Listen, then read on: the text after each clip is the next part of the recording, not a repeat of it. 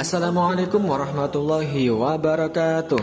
Halo Sobat Cuan, kembali lagi dengan saya Yusron Ahmadi. Mas Podcast Teman Investasimu persembahan dari Koperasi Syariah Kuantum Sinergi Umat KSU.co.id Buat teman-teman pendengar yang belum tahu tentang GSU, GSU merupakan perusahaan keuangan yang membantu pendanaan bagi teman-teman yang memiliki bisnis. Selain itu, kami juga menyediakan jasa tabungan dan investasi. Jadi monggo buat teman-teman yang pengen kenal dekat dengan GSU bisa pantengin terus akun medianya GSU. Alhamdulillah, kami adalah perusahaan yang berbadan hukum koperasi dan sudah mendapatkan sertifikasi grade A dari Dinas Koperasi. Doakan ya teman-teman supaya kami bisa terus bersinergi dan menjaga amanah dari masyarakat. Oke, kali ini kita akan membicarakan tentang uang. Orang-orang biasanya tidak akan merasa nyaman jika berbicara tentang uang. Tapi saya yakin hampir semua orang suka dengan uang. Karena hampir semuanya di dunia ini menggunakan perantara uang kan. Teman-teman bisa cari tahu sendiri contohnya. Nah, maksud dari pernyataan saya di awal tadi itu, ketika kita membahas mengenai masalah uang pribadi, kita banyak berbohongnya, bahkan kepada diri kita sendiri. Kebanyakan kita berbohong tentang berapa banyak uang yang kita dapat, berapa banyak utang yang dimiliki, dan berapa banyak uang yang ditabung untuk masa depan. Jadi saya akan menunjukkan 5 list kebohongan yang dibuat kebanyakan orang saat membicarakan tentang uang. Yang pertama adalah uang adalah akar dari segala kejahatan. Kita semua pasti pernah mendengar peribahasa penuh kebohongan ini banyak kali. Peribahasanya aslinya adalah mencintai uang adalah akar dari segala kejahatan. Dengan kita menghilangkan kata mencintai telah mendistorsi makna dari peribahasa itu sendiri.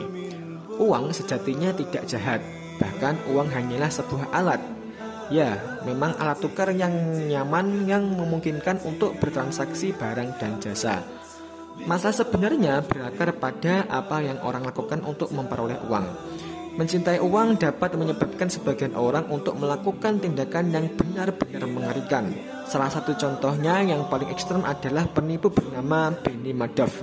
Dia adalah peprakarsa yang menjalankan skema ponzi terbesar yang pernah kita lihat ini. Kemudian juga sering kita jumpai pembunuhan, perceraian dan pertengkaran karena apa? Ya karena uang itu tadi. Ingat, kita tidak diharamkan untuk mengejar uang, hanya pastikan untuk menjaga moral dan mentaati sistem hukum selama prosesnya. Yang kedua, eh, kejahatan yang kedua yaitu kita beralasan masih punya banyak waktu untuk menabung. Kita tahu bahwa menyimpan uang lebih sulit daripada menghabiskannya. Alasannya, menabung tidak memberikan kepuasan instan. Ya, memang benar bahwa menabung adalah cara kita menunda kepuasan untuk mendapatkan kepuasan yang lebih di masa depan nanti. Kita kadang tidak ingin disalahkan untuk urusan mempersiapkan masa depan, sehingga kita sering membohongi diri sendiri bahwa kita masih punya banyak waktu untuk menabung. Nah, hal seperti itu sangat umum terjadi pada anak-anak muda yang mengaku masih punya banyak waktu untuk menabung untuk masa depan. Padahal mereka merasa masih punya sekitar 20 atau 30 tahun untuk memenuhi kebutuhan keuangan mereka pada waktu itu. Selanjutnya, eh, kebohongan yang ketiga yaitu kita berdalih tidak akan pernah pensiun. Jika teman-teman tidak pernah pensiun, maka kita tidak perlu khawatir tentang punya tabungan pensiun yang cukup kan? Salah. Gagasan tidak akan pernah pensiun mungkin adalah sebuah kebohongan. Pada kenyataannya, teman-teman mungkin harus pensiun lebih cepat dari yang kita pikirkan. Sebuah analisa oleh Transamerica Center of Treatment Study TCRS menemukan fakta bahwa 60% dari pensiunan ternyata pensiun lebih cepat dari yang direncanakan dan bukan untuk alasan yang baik. Semua rentang usia kurang dari 10% dari pensiunan, pensiunan lebih lama dari yang direncanakan. Alasan untuk pensiun lebih cepat dari yang direncanakan disebabkan berbagai alasan, mulai dari berhubungan dengan pekerjaan hingga masalah kesehatan.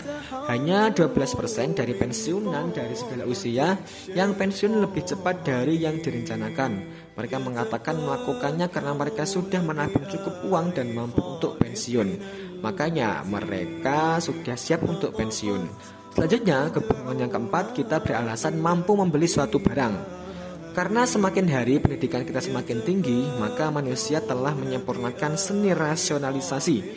Tidak peduli bagaimana kita menghabiskan uang, kita dapat menemukan alasan untuk mengatakan kepada diri sendiri bahwa menghabiskan uang tidak apa-apa. Toh kan itu uang-uang saya sendiri dan saya gunakan untuk saya sendiri. Begitulah kebanyakan orang saat melakukan pembelaan. E, contohnya membeli pakaian mode baru secara kredit setiap musim dengan alasan saya perlu terlihat cantik saat bekerja. Kemudian leasing mobil mewah karena jika tidak maka harganya jadi terlalu mahal. Kemudian beralasan pembayarannya menjadi rendah dan saya pantas punya yang mewah. Kemudian juga pergi keluar untuk makan beberapa kali seminggu dengan alasan saya tidak punya banyak waktu memasak di rumah setiap malam. Itulah sederet alasan pembenaran dalam hal menghabiskan uang. Bisa jadi benar dan bisa jadi salah, semua tergantung situasi kita masing-masing dan hanya kita sendiri yang mampu menilai. Sebagai orang lain, kita hanya bisa mengerti apa yang terlihat oleh mata. Jika kita berkomitmen untuk menghabiskan uang, maka tidak akan ada batasan tentang apa yang akan kita katakan pada diri sendiri, sehingga kita tidak merasa buruk dengan kesenangan untuk berbelanja kita. Berbohong kepada diri sendiri tentang pengeluaran mungkin akan terasa nikmat pada saat itu saja, tetapi daya tarik barang yang dibeli akhirnya habis juga. Dan yang terakhir, kebutuhan kita adalah meremehkan situasi keuangan kita sendiri. Uh, ketidaktahuan bukanlah sumber kebahagiaan ketika melibatkan keuangan, karena harga yang dibayar jadi sangat mahal. Tentu berbohong kepada diri sendiri tentang situasi keuangan teman-teman dapat membantu kita tidur di malam hari minggu ini. Tapi bagaimana ketika darurat keuangan tiba-tiba muncul? Bagaimana juga ketika kita membutuhkan uang saat pensiun? Kita akan dipaksa untuk mencari uang dan kita mungkin tidak menyukai apa yang kita temukan jika kita mengabaikannya selama bertahun-tahun. Saya menemukan data dari NetWallet mengatakan bahwa laporan utang kartu kredit pemberi pinjaman mencapai 155% lebih besar dari laporan saldo peminjam. Wow, artinya apa? Banyak sebagian orang bahkan tidak tahu berapa jumlah uang yang mereka miliki. 23% pengguna kartu kredit mengakui bahwa mereka terkejut dengan tagihan mereka mereka hanya memenuhi kebutuhan nafsu saja tanpa memikirkan situasi keuangan mereka sendiri. Maka sebagai orang yang bijak, kita sepatutnya memiliki rencana keuangan dengan baik, termasuk bagaimana cara kita memperlakukan uang. Dengan membeli apa yang kita butuhkan, bukan apa yang kita inginkan. Berinvestasi, menabung, bersedekah, dan masih banyak lagi. Oke, mungkin itu dulu ya cara pandang kita yang salah mengenai uang. Uh, semoga yang sedikit ini ada bermanfaatnya dan jangan lupa dibagikan ke teman-temannya lain. Mohon maaf bila ada kekurangan dan salah kata. Sampai jumpa di podcast kita selanjutnya. Assalamualaikum warahmatullahi wabarakatuh. Halo Sobat Cuan, jumpa lagi dengan saya, saya Yusron Ahmadi, host podcast teman investasimu, persembahan dari Koperasi Syariah Kuantum Strategi Umat. GSU merupakan lembaga keuangan syariah yang telah berbadan hukum kooperasi. Kami telah didirikan sejak tahun 2016 yang lalu atas keprihatinan para pendiri terhadap perkembangan ekonomi dan jeritan riba. Alhamdulillah GSU bisa bertumbuh dan bertahan sampai saat ini adalah tidak lain dan tidak bukan atas dukungan dari teman-teman semua termasuk para anggota dan juga para mitra bisnis. Sampai saat ini sudah banyak yang bermitra bisnis dengan kami dan alhamdulillah juga banyak investor yang ikut bergabung dengan kita. Buat teman-teman yang ingin tahu banyak tentang kami bisa cek IG dan juga YouTube-nya GSU atau juga boleh mampir ke website GSU di gsu.co.id. Itu ya, kami tunggu teman-teman untuk ikut bergabung dengan kami. Oke, kali ini kita akan membahas sebuah barang yang berwarna kuning. Mengkilat yang bisa membuat mata memandang dan jadi ngiler. uh, kira-kira apa itu? Ya, benar. Jawabannya adalah emas. Siapa yang nggak tahu atau nggak kenal dengan emas? Pasti semua tahu kan? Kalau megang atau memiliki mungkin beberapa orang masih belum bisa. Tapi setidaknya semua orang tahu dan kenal dengan emas atau minimal familiar lah. Jadi baiknya itu kita menabung emas atau investasi emas. Jangan ke mana-mana ya, simak podcast ini selengkapnya. Oke, kita akan membahas dua buah cara pandang kebanyakan orang terhadap emas. Saat memilih presentasi optimal emas batangan untuk disimpan dalam portofolio aset, ada beberapa pandangan yang berbeda. Hal ini bergantung pada bagaimana setiap orang memandang emas tersebut. Ada yang bertujuan untuk mencari keuntungan dan menganggapnya sebagai bentuk investasi. Namun, membeli emas dengan uang dan mengharapkan akan mendapatkan uang yang lebih banyak ke depannya bukanlah tujuan sesungguhnya dari memiliki emas. Tujuan sesungguhnya menabung emas adalah untuk memberikan perlindungan saat nilai mata uang itu jatuh, bukan untuk mendapatkan uang yang lebih banyak. Maka, cara paling sehat untuk memandang emas adalah dengan menganggapnya sebagai tabungan atau sebagai bentuk penjaga aset kekayaan. Coba kita bandingkan antara investasi emas dan menabung emas. Yang pertama, eh, menabung emas dulu ya. Selama ribuan tahun, emas telah dianggap sebagai penyimpanan dalam tanda petik ya, kekayaan bagi sebagian besar orang. Kaum bangsawan Eropa, raja-raja minyak Timur Tengah, dan para miliarder, dan bahkan bank-bank sentral semuanya menabung dalam emas untuk menjaga kekayaan mereka. Mereka menabung dalam emas tanpa memikirkan keuntungan dalam mata uang, karena mereka memahami prinsip dasar emas sebagai penyimpan nilai aset untuk jangka panjang. Mereka mengerti bahwa emas bukanlah investasi, tetapi emas merupakan bentuk uang yang tidak dapat dicetak atau dikendalikan oleh bankir sentral. Nah, ketika sistem keuangan dan moneter dunia semakin rapuh, menabung emas adalah cara yang paling aman untuk melindungi dari keruntuhan sistemik. Saat keruntuhan ini terjadi, memiliki emas sebagai kekayaan adalah strategi utama untuk bertahan hidup, karena nilai emas kan cenderung bertahan. Nah, kalau teman-teman tidak ingin menganggap uh, kalau teman-teman tidak ingin menanggung risiko tinggi yang terkait dengan mengejar keuntungan di pasar mata uang, teman-teman harus menyimpan emas fisik karena emas adalah bentuk uang yang paling aman. Tidak ada salahnya berinvestasi, tetapi membeli emas fisik bukanlah investasi dalam artian sesungguhnya, melainkan aset yang menjaga nilai kekayaan dalam jangka panjang. Kalau menyimpan emas fisik dirasa kurang aman, teman-teman bisa menggunakan jasa bank dan cukup dan cukup sertifikatnya saja yang disimpan. Namun ada juga yang menganggap bahwa emas sebagai kedikdayaan kita dalam hal kekayaan. Orang yang memiliki banyak emas sudah pasti akan terlihat sebagai orang yang sangat mapan.